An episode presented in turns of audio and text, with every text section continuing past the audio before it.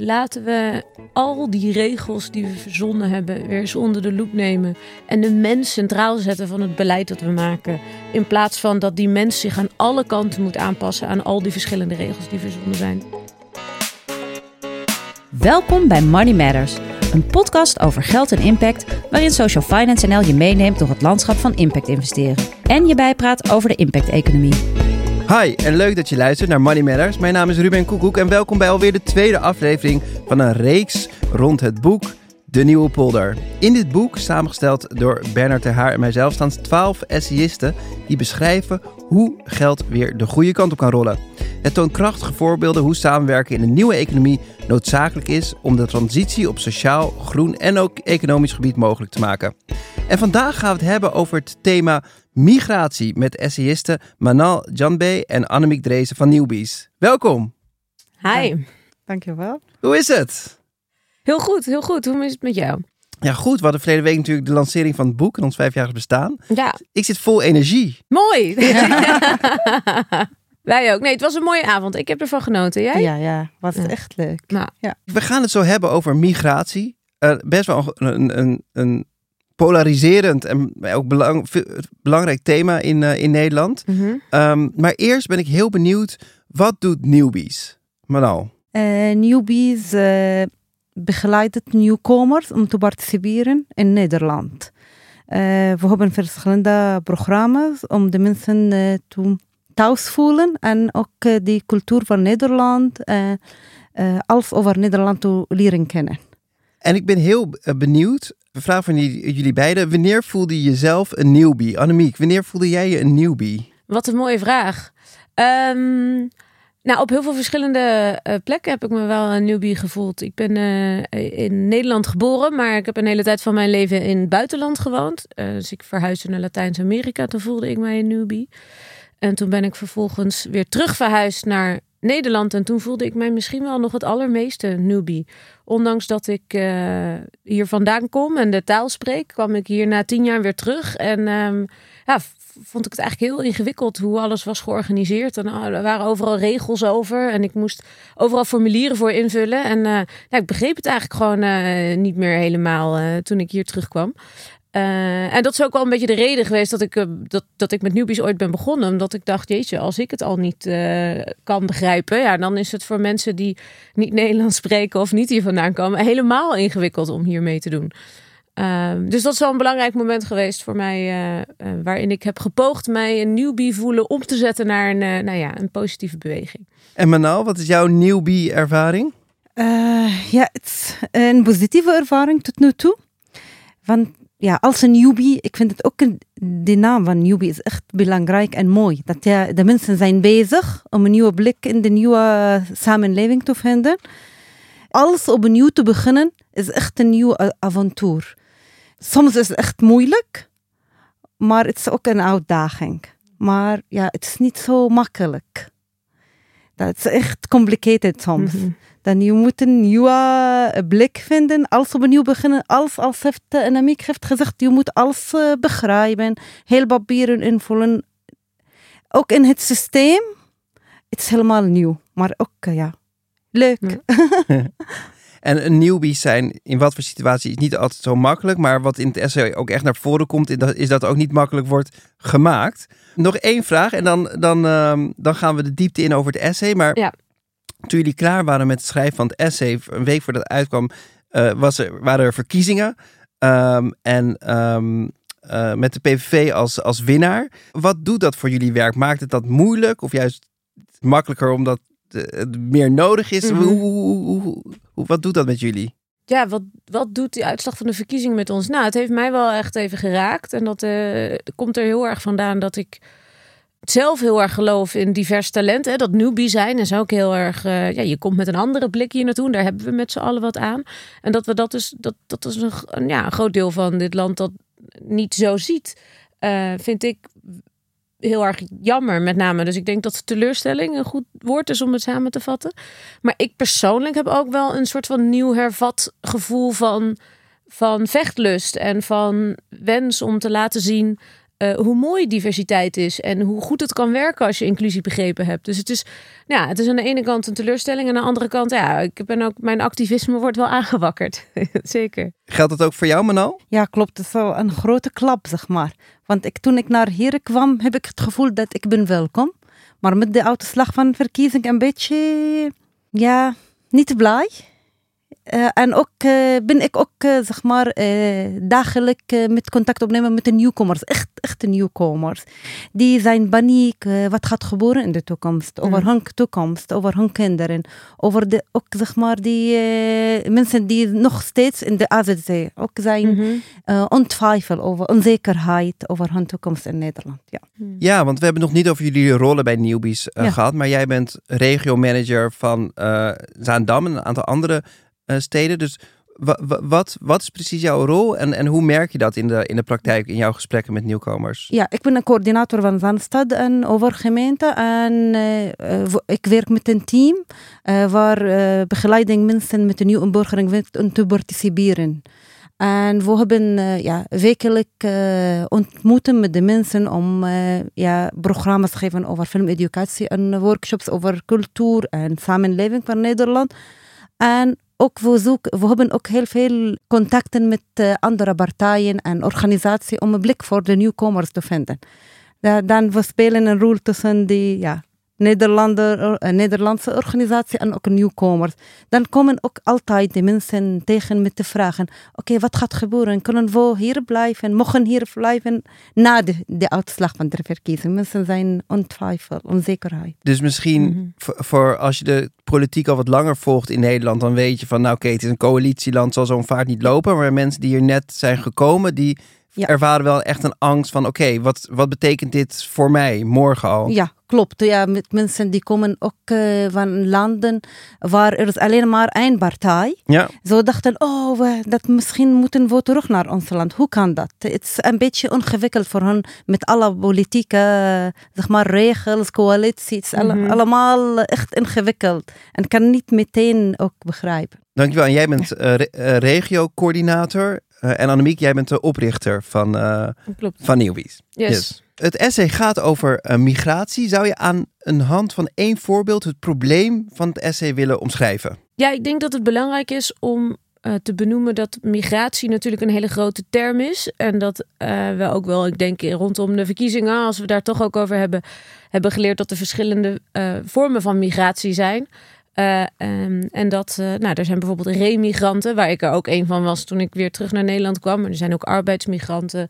Um, en er zijn natuurlijk mensen met een vluchtverleden die hier naartoe komen, die we ook wel asielzoekers noemen. Uh, dus er is een groot scala aan, uh, aan mensen die hier naartoe migreren. En ik denk dat het belangrijk is om te benoemen dat wij in ons essay ons met name hebben gericht op mensen die hier naartoe komen, die vluchten uit het land waar zij vandaan komen en die hier in Nederland asiel aanvragen. Uh, onder internationale verdragen rondom vluchtelingenrecht. Dus dat is denk ik belangrijk om ten eerste eventjes te benoemen. Um, en wat er in dat, wat, wat, wat daar een beetje de kern van het probleem is denk ik ook niet alleen kenmerkend voor dit topic, maar daar zijn we in Nederland sowieso heel goed in. En dat is wat Manal eerder ook al noemde. zei het systeem leren kennen. Je moet het systeem leren kennen. Er is in Nederland een heel systeem. Uh, um, een heel systeem van beleid um, en, en, um, en regelgeving, waar, ja, waardoor dingen niet zo snel gaan. En ik denk dat de kern van het probleem is dat, dat, dat mensen ongelooflijk lang moeten wachten. En dat je dus als je hier aankomt, je eerst moet melden in Ter Apel. En dat je dan moet wachten of je hier uh, eventueel asiel mag aanvragen. Als je dan asiel gaat aanvragen, dan ga je naar een AZC, naar een asielzoekerscentrum. Daar moet je vervolgens wachten om te kijken of dat je al dan niet uh, mag blijven. Er zijn een aantal gehoren die, daaraan, uh, die daar onderdeel van zijn. Um, dan wacht je nog wat meer. En als je dan vervolgens mag blijven, dan moet je nog iets langer wachten totdat je een woning kan krijgen in een Nederlandse gemeente. Uh, en nou, ik hoef uh, niemand te vertellen, denk ik, dat woning, uh, dat was misschien nog wel een groter topic deze verkiezingen dan migratie. dat duurt ook weer heel erg lang. Um, en in die hele periode dat je lang wacht, nou ja, wordt, wordt er van je verwacht dat je wacht. En als je dan vervolgens die woning hebt en gaat inburgeren, dan krijg je drie jaar om, om in te burgeren. en dan wordt ineens van je verwacht dat je wel mee gaat doen. En ik denk dat de kern van de issue is dat in die hele periode dat je moet wachten, eh, ehm, ja, je eigenlijk een beetje het idee dat je mee mag doen kwijtraakt. En dat is denk ik een, een, een belangrijk kern van het probleem. Ik vroeg me een voorbeeld. Dus een, een oud collega van, uh, van Manal en mij, die uh, heeft een, een, vriend die hier nu inmiddels twee jaar is. En die heeft net een woning gekregen in de gemeente Amsterdam. En die heeft in die hele periode geen uh, toegang gehad tot Nederlandse les, geen toegang gehad om mee te doen uh, op de arbeidsmarkt. En dat, uh, nou ja, dat leidt gewoon tot heel veel verlies van talent. Want voordat je een woning hebt, staat eigenlijk alles on hold. Hè? Ook de, de, mocht je een uitkering nodig hebben, dan krijg je die ook niet als je geen woning hebt. Um, je, je, kan geen werk vinden, want je weet ook nog niet waar je wordt geplaatst. Ja, tot op zekere hoogte. Dus er is net een uitspraak geweest. Ja. dus onze overheid is in hoger beroep gegaan tegen een rechtszaak die is aangespannen om langer dan 24 weken te mogen werken wanneer je uh, nog in het AZC woont. Er zijn heel veel details uh, de, um, die in deze, die in deze, ik denk met name laten zien hoeveel regels we hierover hebben verzonnen met elkaar. Maar er is dus een hele periode geweest dat je niet langer dan 24 weken in het jaar mocht werken als je op een AZC woonde. Eigenlijk basically ben je nog niet in het systeem als je op het AZC woont. En dan komen we weer terug op dat systeem dat georganiseerd is alleen maar als je aan alle, als je aan alle nou ja, de, heldere punten voldoet. Dus als je er een beetje buiten valt, dan doe je niet mee. En daar zit toch wel de kern van de, van de issue. Want um, in, jullie spraken over de drie B's, maar de eindredactie heeft daar, de laatste heeft daar een ja. A van gemaakt volgens mij. Beleid, beeldvorming en uh, bang. Wat zijn die drie B's en waarom, waarom zorgen die drie B's nou dat, uh, dat het zo ingewikkeld is? De, de, uh, met, uh, nou, om, om nieuwkomers de juiste behandeling te geven, zodat ze zo snel mogelijk kunnen meedoen. nou, Beetje moeilijk. Ja, ja, snap ik. Beleid, ja. daar heb ik denk ik net wel omschreven. Ja. Het beleid is op heel veel plekken ontmoedigd eigenlijk mensen om mee te doen. En ik denk dat beeldvorming, maar daar kan jij misschien meer over zeggen, Manal. Als, wat we lezen in de media, wat we horen in de politiek, uh, ja, is, draait toch veel om negativiteit als het gaat over klopt. mensen die en, nieuw zijn mensen als ja, naar Nederland komen, uh, benoemen zo vluchteling. En geen andere naam hebben. Ja. Zo. Dan ze hebben in deze kader vast, in deze referentie zeg maar, en ze zijn niet meer ingenieur, kok, docent, arts. Ze zijn alleen maar vluchteling. En als je kijkt naar, naar mensen als een probleem, dat je kan niet een oplossing vinden. Dan ook, ja, een vluchteling, dat zo kan die mensen die taal niet praten. En het hoort bij, zeg maar, dat als ze die talen kunnen niet uh, spreken, kunnen niks doen. En het is niet juist. Ja. Mensen hebben talenten, competentie en zo kunnen gewoon, ja, als ze hebben die gelegenheid, kunnen ze ook uh, het laten zien. Maar meestal hebben de kans niet te krijgen. Dus hoe kan je nou voor zorgen, eh, als je, als je binnenkomt, gaat het al om vluchteling, omdat ze gaan steeds, ze vragen uit of je inderdaad een vluchteling bent en in aanmerking kan komen voor een uh, verblijfsvergunning. Mm -hmm. Maar wat je eigenlijk zegt, eigenlijk blijven we daarin hangen en zien we, blijven we mensen zien als vluchteling en zien we niet van, hé, hey, welke talenten neem je mee naar ja. Nederland en hoe kunnen we zorgen dat we, je, dat we die talenten centraal stellen? Uh, ja, ja, klopt. En ook soms, ja, als ze fouten maken, nou, ik zeg ja, omdat ze vluchteling zijn. Also de taal niet, het is, het is niet leuk om altijd het, als mensen benoemd als vluchteling. Ja. Je bent een persoon, je hebt persoonlijkheid, je hebt een identity, je hebt een talent, je hebt een beroep. En dit is jouw kernwaarden, zeg maar. Niet dat je vluchteling, je hebt geen keuze om vluchteling te worden. Ja. Dat, ja, iets gebeurt, dat maakt je naar een andere land te vluchteling, maar het is niet nou. Je, je wil opnieuw beginnen, je wil zeg maar dit achterlaten en beginnen, aan de slag gaan. Toevallig, want we hadden 6 december een, een, uh, ook een optreden van een, uh, een muzikaal koppel waarvan één iemand uit Syrië kwam. En dat was precies wat hij zei. Van ik wil niet aangekondigd, je mag me aankondigen zoals je wil, maar niet als vluchteling. Ik wil gewoon aangekondigd worden als wie ik ben. Um, en dat derde is bang, angst. Wat, wat mm -hmm. bedoelen jullie daarmee? Hij is ernstig gekoppeld aan de eerste twee. Dus zowel beleid en alle nou ja, verschillende vormen van beleid... die net eigenlijk ook al een beetje de revue passeerden... als die beeldvorming maakt dat er een angst ontstaat om...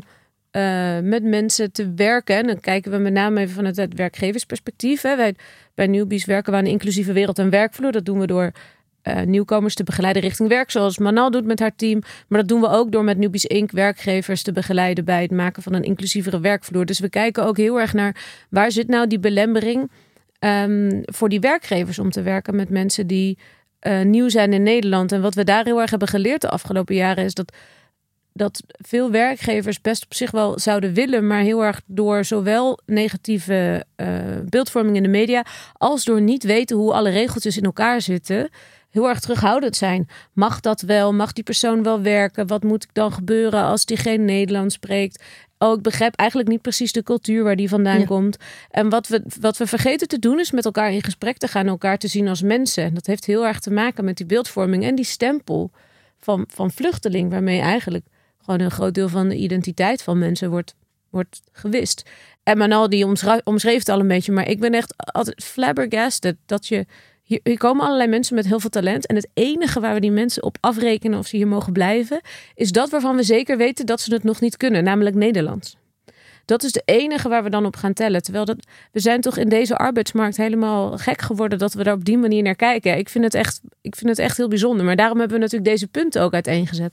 Dus we merken dat er zowel op het gebied van verschil, cultureel verschil, taalverschil, maar ook op het gebied van die regelgeving, nou ja, onwetendheid heerst. En als je naar die drie, wat ik wel positief vond, als je naar die drie punten kijkt, is beleid. Dat is natuurlijk even afwachten wat er in Den Haag besloten wordt. Maar die mhm. andere twee, beeldvorming en angst, is natuurlijk iets waar je zelf mee aan de slag kan als werkgever of als werknemer of als burger. Absoluut. Ja, en dat zijn natuurlijk ook de dingen die wij als newbies heel erg naar voren brengen.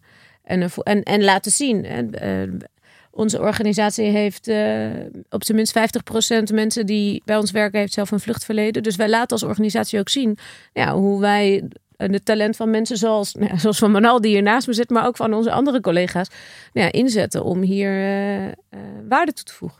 Dus we laten even de problemen achter ons. En zoals bij elke essay gaan we ons storten op de oplossingen. En die eerste zei je al, talent centraal stellen. maar daarnaast is een belangrijk onderdeel van de oplossing is taal. En wat bedoelden jullie daarmee precies in, de, in het essay met taal? Ja, taal, taal van talenten.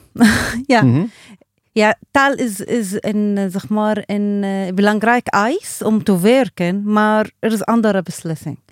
Als iemand gaat zeg maar, iets in de praktijk doen, is goed om uh, die zeg maar, veilig misschien regels te begrijpen. Hoe zit alle dingen met elkaar, maar ook uh, dat maakt niet met hun zeg maar, talenten en competentie. Dan laat die mensen zeg maar, uh, laten zien hoe talent zou zijn. Mm -hmm.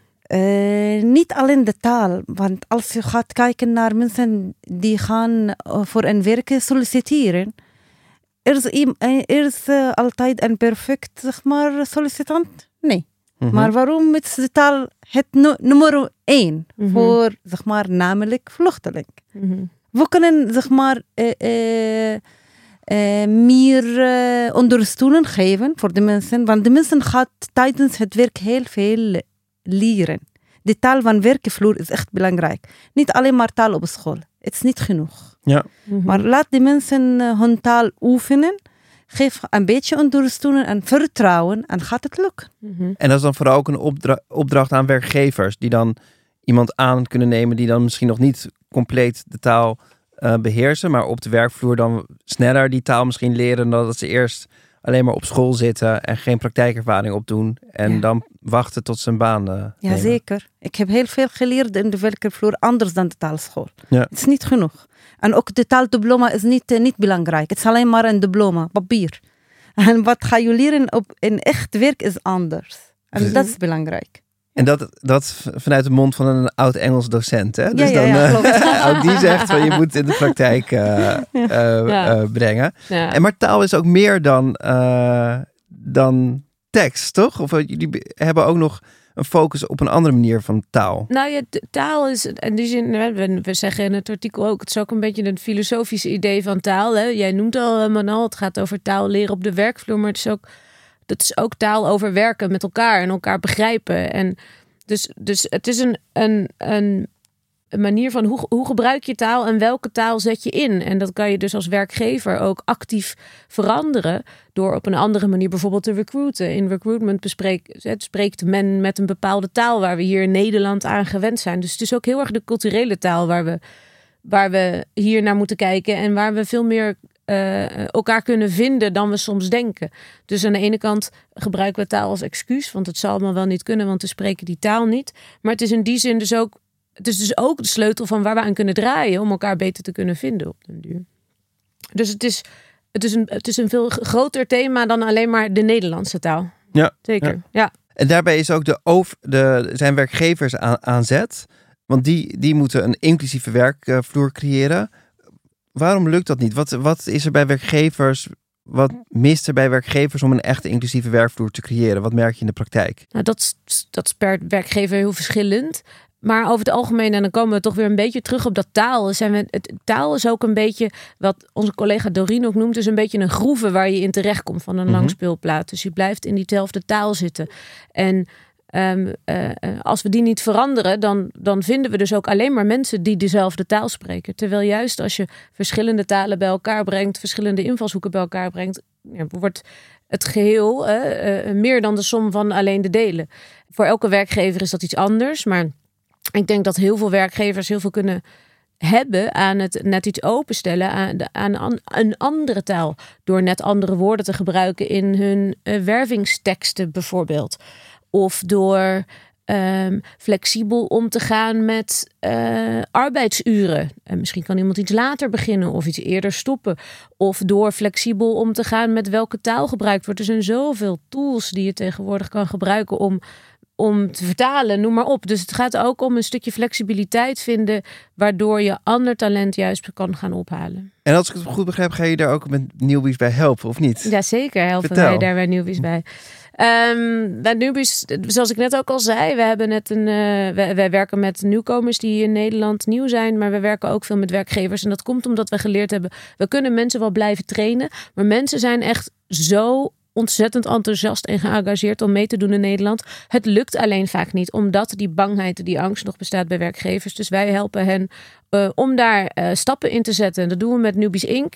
En Nubies Inc. werkt eigenlijk met name op een manier waarop we heel veel impact kunnen maken op werkgevers. Omdat we jou als werkgever meenemen uh, door eerst een, echt een ervaring van inclusie en exclusie te, te organiseren middels virtual reality. En daarna je echt als met persoonlijke coaching mee te nemen om binnen je eigen onderneming dingen te veranderen. Dus dat hoeft niet eng te zijn en dat hoeft niet spannend te zijn. Maar dat gaat precies over die dingen waar jij als ondernemer uh, of als organisatie behoefte aan hebt. Virtual reality, dat heeft wat uitleg nodig. Virtual reality. Nou, we hebben een, een tool uh, gemaakt waarin je een werksituatie kan ervaren. Uh, waarin je als degene uh die uh, uitgesloten wordt op de werkvloer, maar ook als een, als een collega die daarbij zit, meemaakt hoe het is om die uitsluiting te ervaren. Dus dit is eigenlijk wat heel veel mensen die nieuw zijn in Nederland dagelijks meemaken. En niet alleen mensen die nieuw zijn hier, maar ook gewoon mensen die net tot een minderheid behoren. Um, en het, en het, het is een tool voor met name voor management om goed te leren ervaren. Oh, dit is wat kleine dingen kunnen doen in het dagelijks werk. En het laat er dus ook heel erg toe dat, het, dat je met hele kleine oplossingen dat kan veranderen. En daarin uh, spreken we niet alleen management aan en spreken we niet alleen bazen aan, maar spreken we het hele team aan. Want iedereen kan daar een kleine bijdrage in leveren. Heb je de tool gespeeld, de virtual reality? Ja, ja. En, en echt, ja. herken je het? Uh, ja, ook, uh, ik begrijp het wel ook de andere kant. Want ik ben een nieuwkomer en ik vind het echt spannend om opnieuw te beginnen. Daarom ook misschien werkgever vindt het ook bannig. Of ze hebben geen zeg maar, uh, gelegenheid om andere zeg maar, culturen of andere talen te leren kennen. Dan met de newbies, uh, één, zeg maar, dat ga je ook de mensen hun ogen open maken om te kijken. Kijk maar. Mm -hmm. Is, ja is, is, is leuk om alleen met Nederlander cultuur, om Nederlanders collega te blijven, maar ook als we hebben een nieuwe mensen, het voegt ook toe een nieuw kleur. En mm -hmm. altijd, als een pakket van één kleur is echt mooi, maar met verschillende kleuren is echt mooier. Ja. Ja, je, je omschrijft het eigenlijk wel mooi. Want er zit een hele natuurlijk wetenschappelijke eh, gedachte achter dit, eh, deze tooling. Maar wat het eigenlijk gewoon is, is dat je door de ogen van iemand anders de Ja. werkelijkheid kan bekijken. En dat is zo'n krachtige, waardevolle eh, tool. Eh, en dan zie je inderdaad eh, Ja. even die andere kleur, Ja, wat het mooier maakt. Ja. Ja, want ook eh, misschien je heeft vroeger heeft geen kans om het anders te doen. En maar als je gaat zien andere organisatie of andere bedrijf die hebben vers- diversiteit en het is een succesvol verhaal, je kan het doen. Ja. ja. Ga maar doen. Nou, mooi. En de, de nieuwe polder gaat natuurlijk over de, eh, het samenwerken tussen bedrijven, overheden, eh, financiers. Nou. Over financiers hebben we het nog niet eh, eh, gehad. Misschien wel een van de minst diverse ehm, sectoren. Mogelijk. Toch? Ja, ik denk dat er wel specifiek, als we dan toch bij die taal blijven. Ja. Ik denk dat er, bij, dat er onder financiers en investeerders wel echt een hele specifieke taal gesproken Ja. wordt. Ehm, die eh, niet eh, alle eh, impactondernemers ook spreken. Vertel. Dus je, je geeft aan van financiers ehm, sluiten misschien wel met de taal die ze gebruiken anderen uit. Heel kort gezegd denk ik dat dat wel gebeurt, ja. En ik denk dat dat niet ook, hè, zeker voor de, het idee dat financiers hebben, ehm, niet altijd te voorkomen is. Want er zijn ook allerlei regels eh, eh, rondom financieren. En er zijn allerlei, daar, dat moet gecontroleerd worden. En daar moet een notaris overheen, een accountant overheen, voordat je dat... eh, dus, dus het is ook logisch dat al die zaken er zijn. Maar het laat eigenlijk weer zien, er zit een bepaald beleid. Daar moeten we ons aan houden. En daardoor spreken we een bepaalde taal. Eh, terwijl als je hem om gaat draaien, denk ik dat er heel veel ondernemers, bijvoorbeeld met een vluchtverleden zijn in het land, die hele toffe dingen doen. Ja. Maar die het net niet lukt om de taal te spreken die een financier of een impact-investeerder misschien wel zou spreken. Ja. En wat kunnen, wat kunnen financiers daaraan doen? Nou, ik denk dat het. Die kunnen sowieso bij ons een deep dive doen met virtual Uiteraard, reality. ja. Om een beetje in die andere taal te leren spreken. nee, maar ik denk dat het. ehm, nou, ik denk ook wel dat Social Finance NL een club is die daarbij kan helpen om zo'n vertaalslag te maken van het, van het ene naar het ander. En ik denk wel dat het, nou, ja, dat het de moeite waard is om op een andere manier ehm, eh, bijvoorbeeld aanvragen te ontvangen. Ja. Moet alles in de, in de geschreven formulier online? Of kan je misschien ook een video van iemand ontvangen die eh, laat zien wat voor mooie dingen die aan het Ja. doen is? Dus ik denk wel dat daar allerlei creatieve mogelijkheden liggen. Ja, mooi.